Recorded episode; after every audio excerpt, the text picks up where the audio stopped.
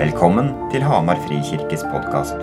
Vår visjon er å følge Jesus, dele evangeliet, samle generasjonene og bygge nye fellesskap. Les mer om oss på hamarfrikirke.no.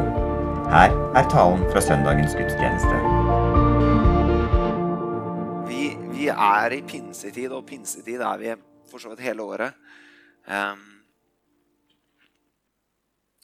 men vi er kalt til å drikke av Den hellige ånd. Vi er kalt til um, fellesskap med Gud. Vi er kalt til at Den hellige ånd skal få gjøre sitt verk i oss og i oss som menighet. Men hvordan ser det ut? Og da, da er det på en måte massevis av temaer man kan begynne å snakke om. Men jeg har lyst til å starte eller ikke, Jeg har lyst til å være i Romerbrevet kapittel 12 i dag. Um, for jeg tenker at det, som, det Paulus skriver om og til menigheten i, i Roma i det kapitlet, tror jeg treffer oss der vi er i dag. Um, så jeg håper at der du er med din tro, og der vi er som menighet, at vi med det som utgangspunkt skal få gå inn i teksten og la teksten snakke til oss. For jeg, jeg tror det er noe her. Um, og så skal jeg ikke ta alt, for det, det, brev, det, er masse vi kunne snakka om. Men jeg har lyst til å ta tak i noen ting. Um, teologen eh, James Dunn når han eh, i sin, i sin uh, si, kommentar til romerbrevet når han skriver om det her, så snakker han om at romerbrevet kapittel 12 har på en måte to overskrifter. Det er nådegaven, eller kroppens funksjon. Hvordan kroppen fungerer. Og så er det kjærlighet, som er kroppens karakter. At kroppen, forstått som menigheten, Jesu kropp, den har nådegaver som må være i funksjon. Og den må ha en karakter, en, no, noe grunnleggende karaktertrekk ved seg. Og det må være kjærlighet. Og hans poeng er hvis nådegavene ikke fungerer, så er egentlig kroppen lamma. Og hvis kjærligheten ikke er oppriktig og ikke er på plass, så mangler kroppen karakter. Det er James Dunn sitt, sitt måte, kanskje oppsummering av Romerbrevet kapittel 12. Og jeg tenkte, Det er derfor overskriften vår i dag, eller to overskrifter. Det er kroppens funksjon i nådegavene og kroppens kjærlighet i kjærlighet til Gud og eller kroppens karakter i kjærlighet til Gud og hverandre. Paulus har skrevet det brevet her. Han har skrevet masse teologi. Kjempeverk. Et retorisk og teologisk mesterverk. Og så kommer kapittel 12, som starter med 'derfor'. Fordi jeg det, alt jeg har sagt nå Derfor Og så kommer det en praktisk veiledning. Og det er i den praktiske veiledningen vi skal være i dag, til oss. Så Bibel er lurt å ha, enten på app eller fysisk, i Rombrevet kapittel 12. Og så skal vi gå gjennom brevet, og så skal vi la oss veilede av Paulus i Guds ord. Og Vi begynner å lese. I kapittel 12, vers 1. Derfor formaner jeg dere ved Guds barmhjertighet, søsken. Bær kroppen fram som et levende og hellig offer til glede for Gud, og det skal være deres åndelige gudstjeneste. Innrett dere ikke etter den nåværende verden, men la dere forvandle ved at sinnet fornyes, så dere kan dømme om hva som er Guds vilje, det gode, det som er til glede for Gud, det fullkomne. Så hele den oppsummeringen Paulus gjør, starter med en veiledning om det hverdagslige livet. Om at det hverdagslige livet skal være en gudstjeneste der kroppen din spiller en funksjon. Vi tenker jo, vi har i hvert fall så lett å tenke at den, den, virkeligheten, den sanne virkeligheten, det er det jeg føler, eller det som skjer i lovsang, eller det jeg tenker. Men kroppen vår, det vil si hele deg, skal være i en åndelig gudstjeneste. Dine tanker, dine holdninger, dine meninger, hva du spiser, hvordan du sover og hviler, hvordan du jobber, hvordan du gjør jobben din, hvordan du er som forelder, hvordan du er som barn. Hele deg kan være en åndelig gudstjeneste til glede for Gud. Og da er det noen av oss som kanskje skjelver litt, og så er det noen av oss som blir inspirert. Jeg får liksom begge følelser i meg, for jeg begynner liksom å tenke Oi, hele meg skal være en gudstjeneste for Gud. Og så begynner jeg å analysere meg selv, og så begynner jeg å tenke på alt jeg har gjort galt. Det er fort dit jeg går, i hvert fall. Og så kan det veldig fort bli selvfordømmende. Ikke sant? Men hele poenget er at dette bygger jo på det han har skrevet tidligere om at det er ingen fordømmelse for den som er i Kristus. Så, vi, så, så denne må vi ta til oss basert på at vi er i Kristus. Vi er nye. Vi er rettferdiggjort. Det er ingen fordømmelse. Så vi må stå på nåden når vi hører invitasjonen og utfordringen. Bær kroppen fram som et levende offer til glede for Gud. Det skal være deres åndelige gudstjeneste. Det betyr at det er en himmel over livet ditt og en hensikt over alt du gjør. Og det er stort. Så din og min relasjon til Gud handler ikke om hva vi gjør i gudstjenesten, men det er alt fra de små daglige valgene til de store livsviktige valgene, for å si det sånn. Og så fortsetter Paulus med en veiledning om at sinnet vårt skal fornyes. Ikke forny eller forandre sinnet ditt. Det står i passiv form. Vi skal fornyes. Vi skal forvandles. Ikke sant? Og det tror jeg er et nøkkelpunkt, akkurat den passive formen. Og så skal ikke jeg gå så dypt inn i hvordan vi gjør det. Da kan dere gå tilbake til høstens undervisning og høre om åndelige rytmer. For Vi brukte hele høsten på å snakke om hvordan sinnet vårt skal fornyes gjennom de ulike rytmene. Men noe av det som ligger bak dette, tror jeg kommer fra Ordspråkerne 23, hvor det står slik han tenker, det slik et menneske tenker, slik er han. Slik et menneske tenker, slik er han. Det vil si at det som foregår oppi din og min eh, hjerne og tankevirksomheten vår, det er relevant for hvem vi er. Og så er spørsmålet lar vi det fornyes og forvandles. Og i så fall, hva lar vi det fornyes og forvandles av? For hvis jeg sitter på Instagram og sveiper, så preger det tankene mine. Når jeg leser VG-nett, så preger det tankene mine.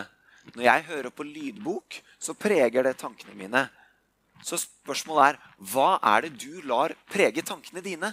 Hvor er det du lar sinnet ditt fornyes. Igjen de åndelige rytmene.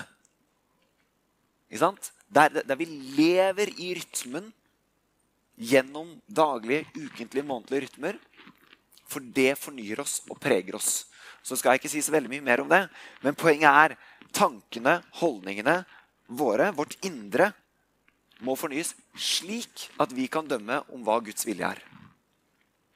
Og så er det veldig interessant at det første som kommer etter at han har veileda til at slik at vi kan dømme, så begynner han å snakke om enhet, nådegaver og kjærlighet.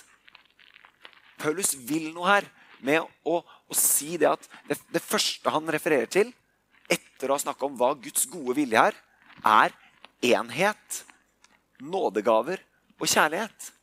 Det er veldig interessant. Han kunne referert masse ting om hva, Guds, hva Guds vilje er. Men det første er enheten i nådegaver. Kroppens funksjon i nådegavene. Vi fortsetter å lese fra vers 3. Ved den nåde jeg har fått, sier jeg til hver enkelt av dere. Tenk ikke for store tanker om deg selv. Tenk sindig.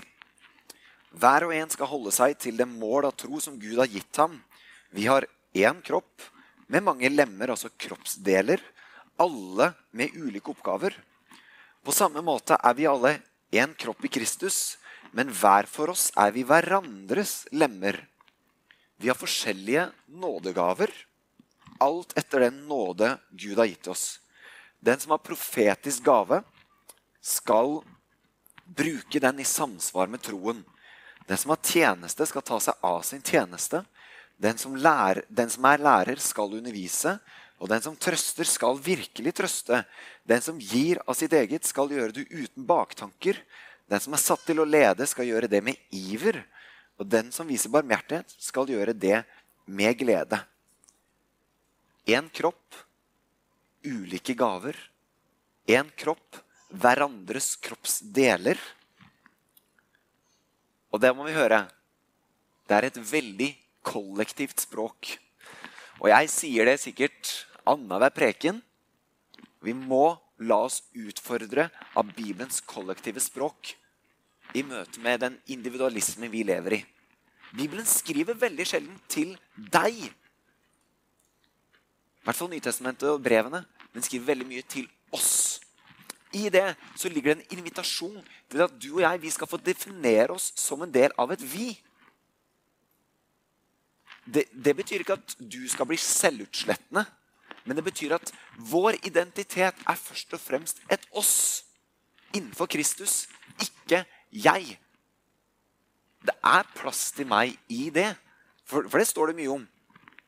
Men dette utfordrer vår individualistiske tankegang så sterkt. Fordi vi leser Bibelen som det er skrevet til meg som individ. Og så tenker vi hvordan jeg har det innenfor Gud. Men det står stort sett alltid i en kontekst av et vi. Vi. En enhet. Én kropp. Hverandres lemmer. Og det er så viktig for oss å få tak på akkurat den biten der. For det betyr at du er viktig som en del av kroppen. Men det er kroppen det skrives til. Det vil si at du har en plass i Hamar frikirke. Den du er, er viktig i Hamar frikirke. Det du har av gaver, er viktig i Hamar frikirke. Og du skal få lov til å tenke 'Jeg går ikke i Hamar frikirke'. Jeg er en del av Hamar frikirke. Ikke sant? Språk skaper, og språket er tydelig. Det er et vi. Og så, da? Hva med nådegavene? Det profetiske, tjeneste. Jeg skal ikke gå veldig dypt inn i nådegavene her. Men det er veldig interessant å se at noen har en nådegave til å gi. Noen kanskje har en ekstra gave til å tjene mye penger for å gi penger. Det er veldig interessant. Første gang jeg hørte om dette, var Bill Hybels i Willow Creek Community Church. Han snakka om dette. At noen har en gave fra Gud til å tjene penger for å gi penger. Har du tenkt over det noen gang? Det er veldig interessant. Så, så denne lista her da, det er jo bare én av tre store lister i Nytestamentet om nådegavene. Og Her er det profetisk tjeneste, eller profetisk gave, tjeneste, lærer, trøster, givertjeneste, lede, barmhjertighet. Og Her må vi holde tunga rett i munnen på hvordan vi skal forstå dette. De andre listene de finner du i 1. Korinterbrev kapittel 12-14 og i Efeserbrevet kapittel 4. Og så har du en liten liste i 1. Peterbrev.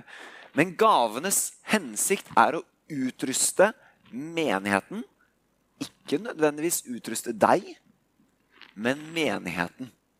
Gavenes siktemål er fellesskapet. Igjen det kollektive.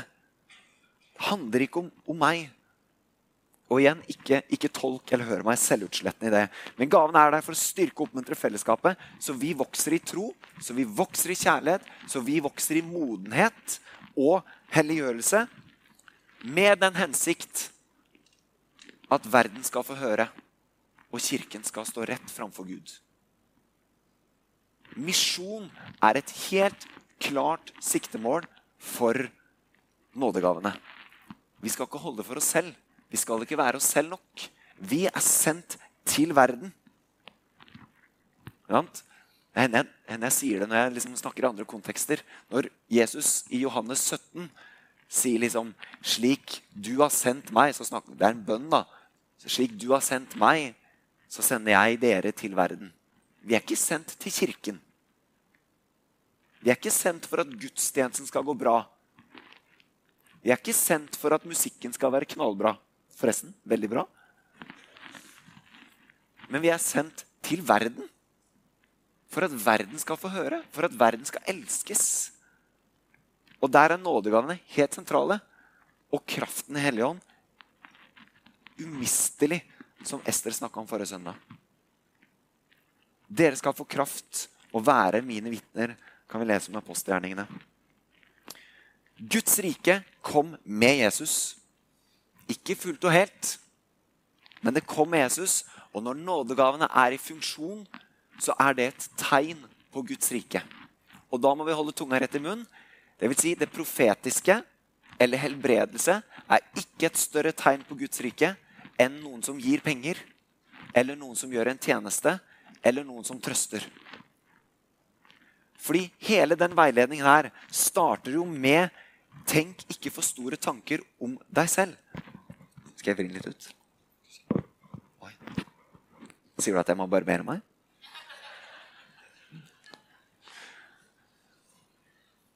Men dette er så viktig.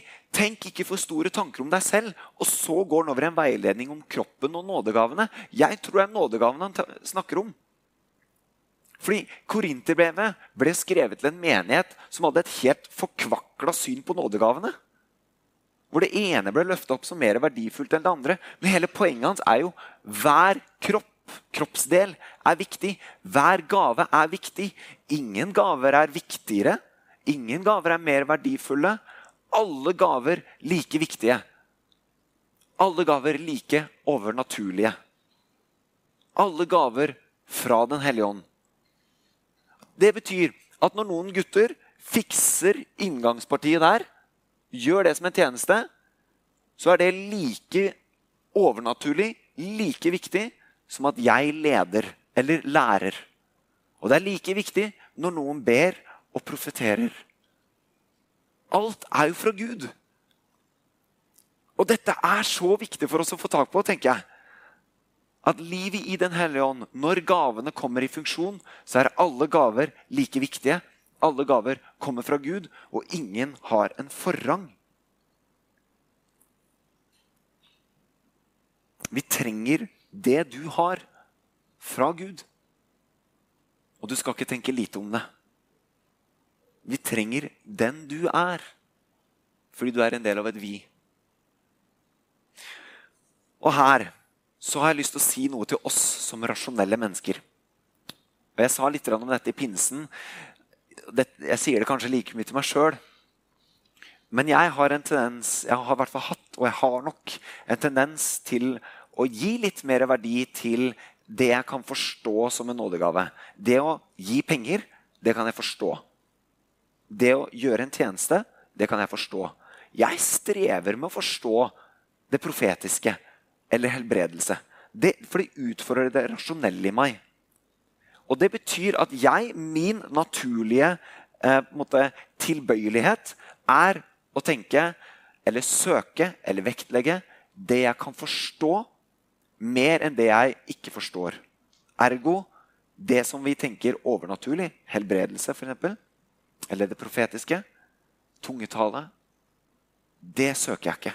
Eller ah, vegrer meg litt for det. Mens å snekre litt eller gi en gave, det vektlegger jeg. Det er det rasjonelle i meg.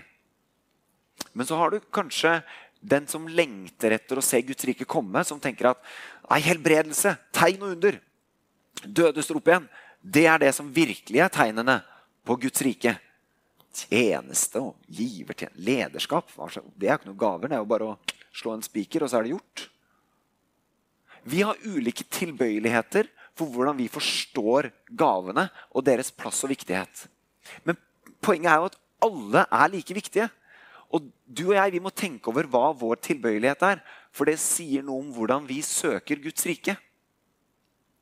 Og Noe av det jeg erfarte i USA, var jo at det var som om Gud hjalp meg med å si at vet du hva Du kan søke det du ikke forstår, for det er trygt.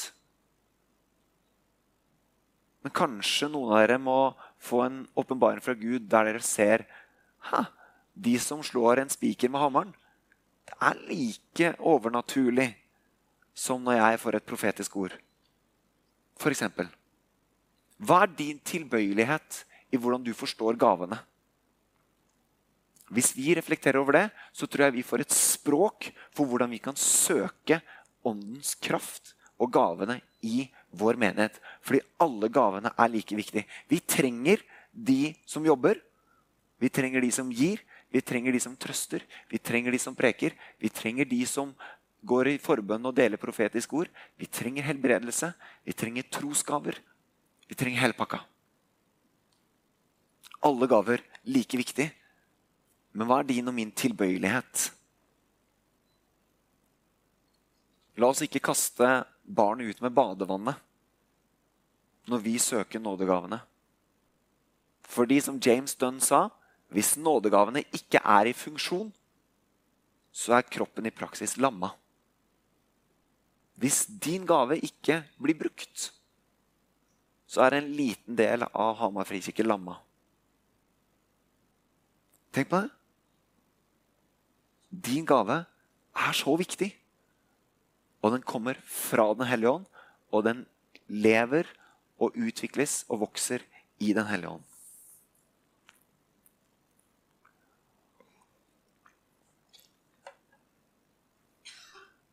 Neste karaktertrekk, eller neste trekk, er kjærlighet. Og Vi skal lese fra vers 9 til vers 21. La kjærligheten være oppriktig. Bare en pause her. Når han bruker kjærlighet her, så er det agape. Det er den ubetingede kjærligheten, den selvgivende kjærligheten. Og det som er interessant, er at, i hvert fall ifølge James Dunn, da, er at fram til nå i romerbrevet så har agape blitt brukt om vår kjærlighet til Gud og Guds kjærlighet til oss. Mens her så plasseres kjærligheten i konteksten av kjærligheten til hverandre.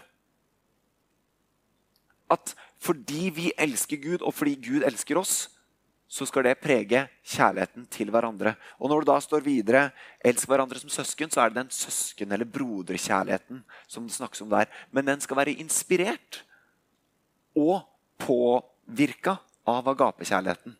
Den selvgivende, ubetingede kjærligheten. La kjærligheten være oppriktig. Avsky det onde, hold dere til det gode. Elsk hverandre inderlig som søsken. Sett de andre høyere enn dere selv. Vær ikke lunkne, men ivrige. Vær brennende i ånden. Tjen Herren. Vær glade i håpet, tålmodig i motgangen, utholdende i bønnen. Vær med og hjelp de hellige som lider nød, og legg vind på gjestfrihet. Velsign dem som forfølger dere. Velsign og forbann ikke.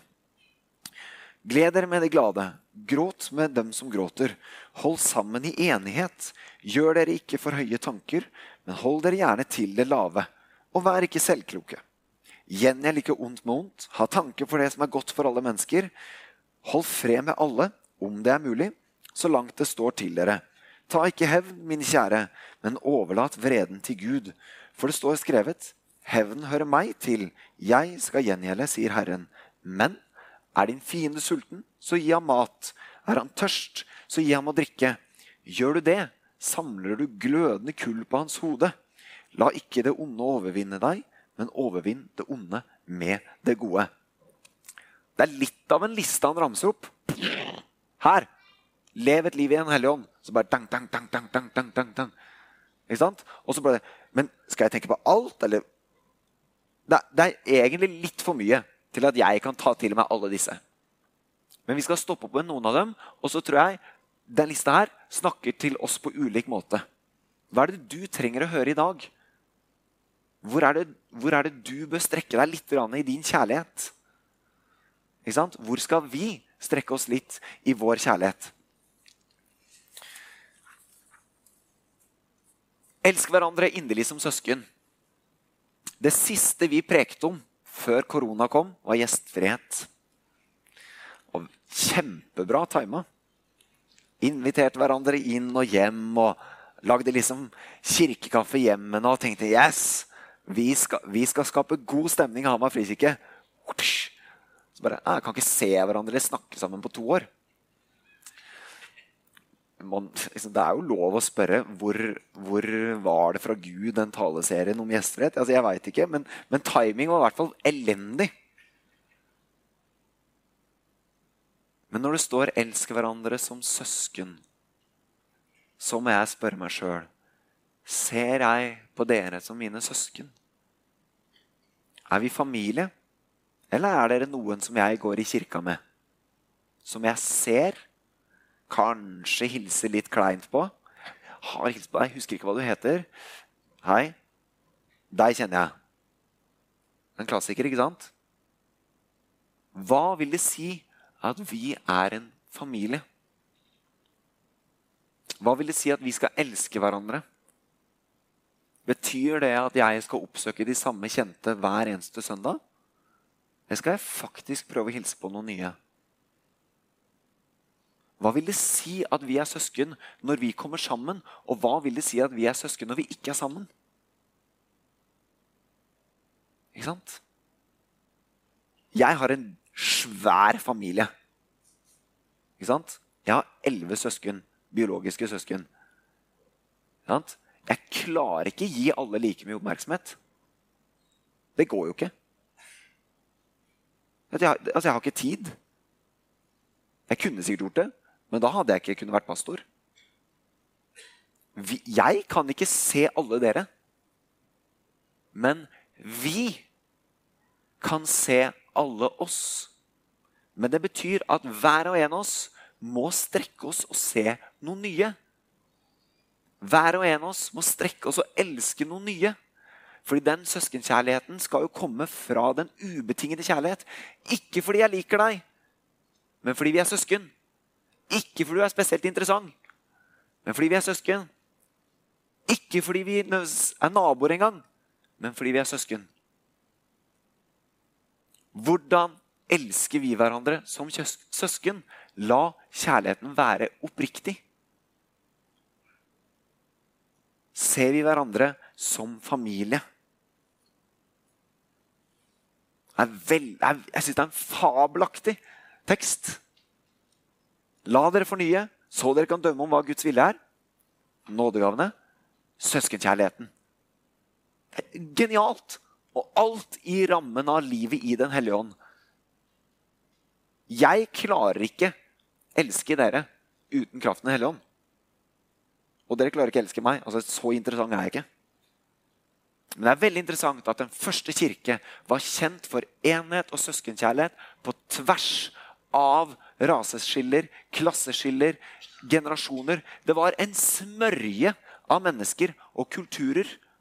Alle sammen elsket hverandre.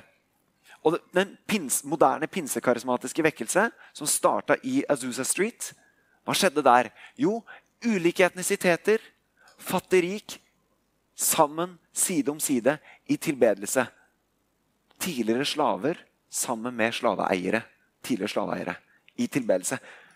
Det, var, altså det som skjedde i den pinsekarismatiske vekkelsen, var helt, det var helt spesielt. Det var fellesskapet fra den første kirke, enheten i Den hellige ånd, søskenskjærligheten i Den hellige ånd, gjort ny. Et tegn på at Den hellige ånd er i oss, og vi lever i Den hellige ånd, er at vi står sammen, elsker hverandre som familie. På tvers av aldre, på tvers av inntekt, på tvers av kulturer, på tvers av språk, så er vi ett folk. Men det betyr at jeg må også se og anerkjenne og elske de som jeg ikke nødvendigvis er trygge med. Det er ikke min klikk det handler om. Jeg blir, jeg blir veldig inspirert av det. da. Og jeg tenker at det er et språk til oss og en utfordring til oss. En siste ting før vi skal eh, gi oss, er fra vers 14. Velsign dem som følger dere. Velsign og forbann ikke. Så står det litt lenger ned. Gjengjeld ikke ondt mot. Ha tanke for det som er godt for alle mennesker. Hold fred med alle om det er mulig, så langt det står dere til. Velsign og forbann ikke. Og Jeg har lyst til å si noe inn i noe som er veldig aktuelt for tida. Jeg synes å se en økende tendens i vår nasjon, på internett, i vår kultur, til at Kirken er ikke nødvendigvis bare sett på noe som er litt fremmed og rart, men at Kirken og kristne blir sett på som litt farlig. Spesielt vårt syn på seksualitet og samliv. Og jeg ønsker ikke å forskuttere eller skape en fryktstemning. Men jeg er nødt til å anerkjenne en økende tendens til at det jeg tror, slik jeg leser Bibelen, ikke nødvendigvis blir sett på som rart lenger, men det blir sett på som farlig. Når noe blir sett på som farlig, så vil man ønske å bekjempe det. Når noe blir sett på som farlig, så vil man begynne å trykke. Den første kirke de var kjent for en radikal seksualetikk. De holdt ekteskapet hellig. De var gift med én person livet ut. Og de hadde ikke sex utafor ekteskapet, og ekteskapet var mellom én mann og én kvinne. Nå sier jeg det litt ubeskytta, bare sånn som en observasjon om den første kirke. Vår, vårt syn vil møte litt trykk. Hvordan møter vi det? Og, og dette, er ikke, dette, er ikke, som en Nå er det varsellamper og, og alarm. Dette er som en observasjon, for det sier noe om hvordan jeg skal forholde meg til det. Og veiledningen er velsign og forbann ikke. Og den er ekstremt viktig. Gjengjeld ikke ondt med ondt. Ha tanke for det som er godt for alle mennesker. Hold fred med alle, om mulig. Ta ikke hevn. Det er en veldig konkret veiledning, og den sier noe om hvordan hjertet vårt skal være. Dette er en observasjon, ikke en profeti. Bare så det er sagt. Men jeg tror det er noe i det. At vi vil høre at noen syns at det vi som kirke står for, ikke bare er rart, men det er farlig. Og det kan bety at trykket mot kirken med stor K, ikke nødvendigvis oss, kan øke. Hvordan møter vi det? Vi kan ikke møte med noe annet enn i Den hellige ånd og en ubetinget kjærlighet. Vi trenger Den hellige ånd for å møte det. For han lærer oss å elske. Og en kjapp kommentar, Det å samle glødende kull Det er et sånt bilde fra Gamle testamentet hvor de, de samla kull oppi turbanene.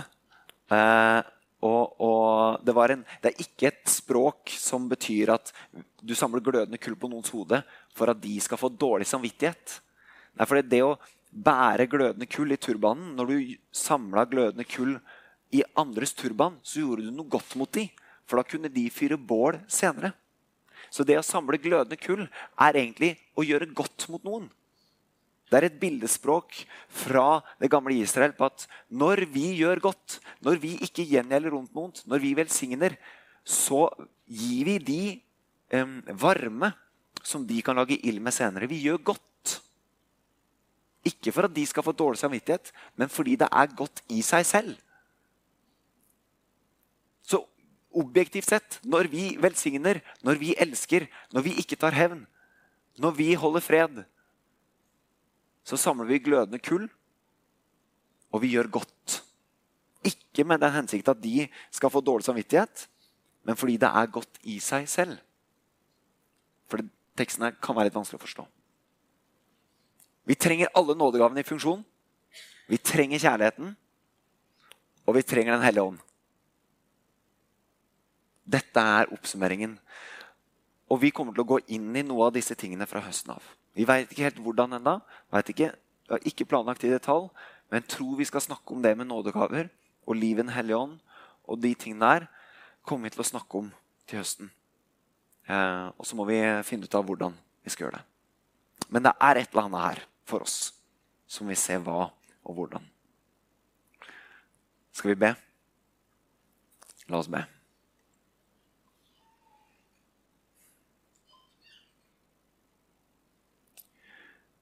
Herre Jesus Kristus. Vi trenger deg, og vi ber. Må du fornye vårt sinn. Må du hjelpe oss å bære kroppen fram som et hellig offer til glede for deg.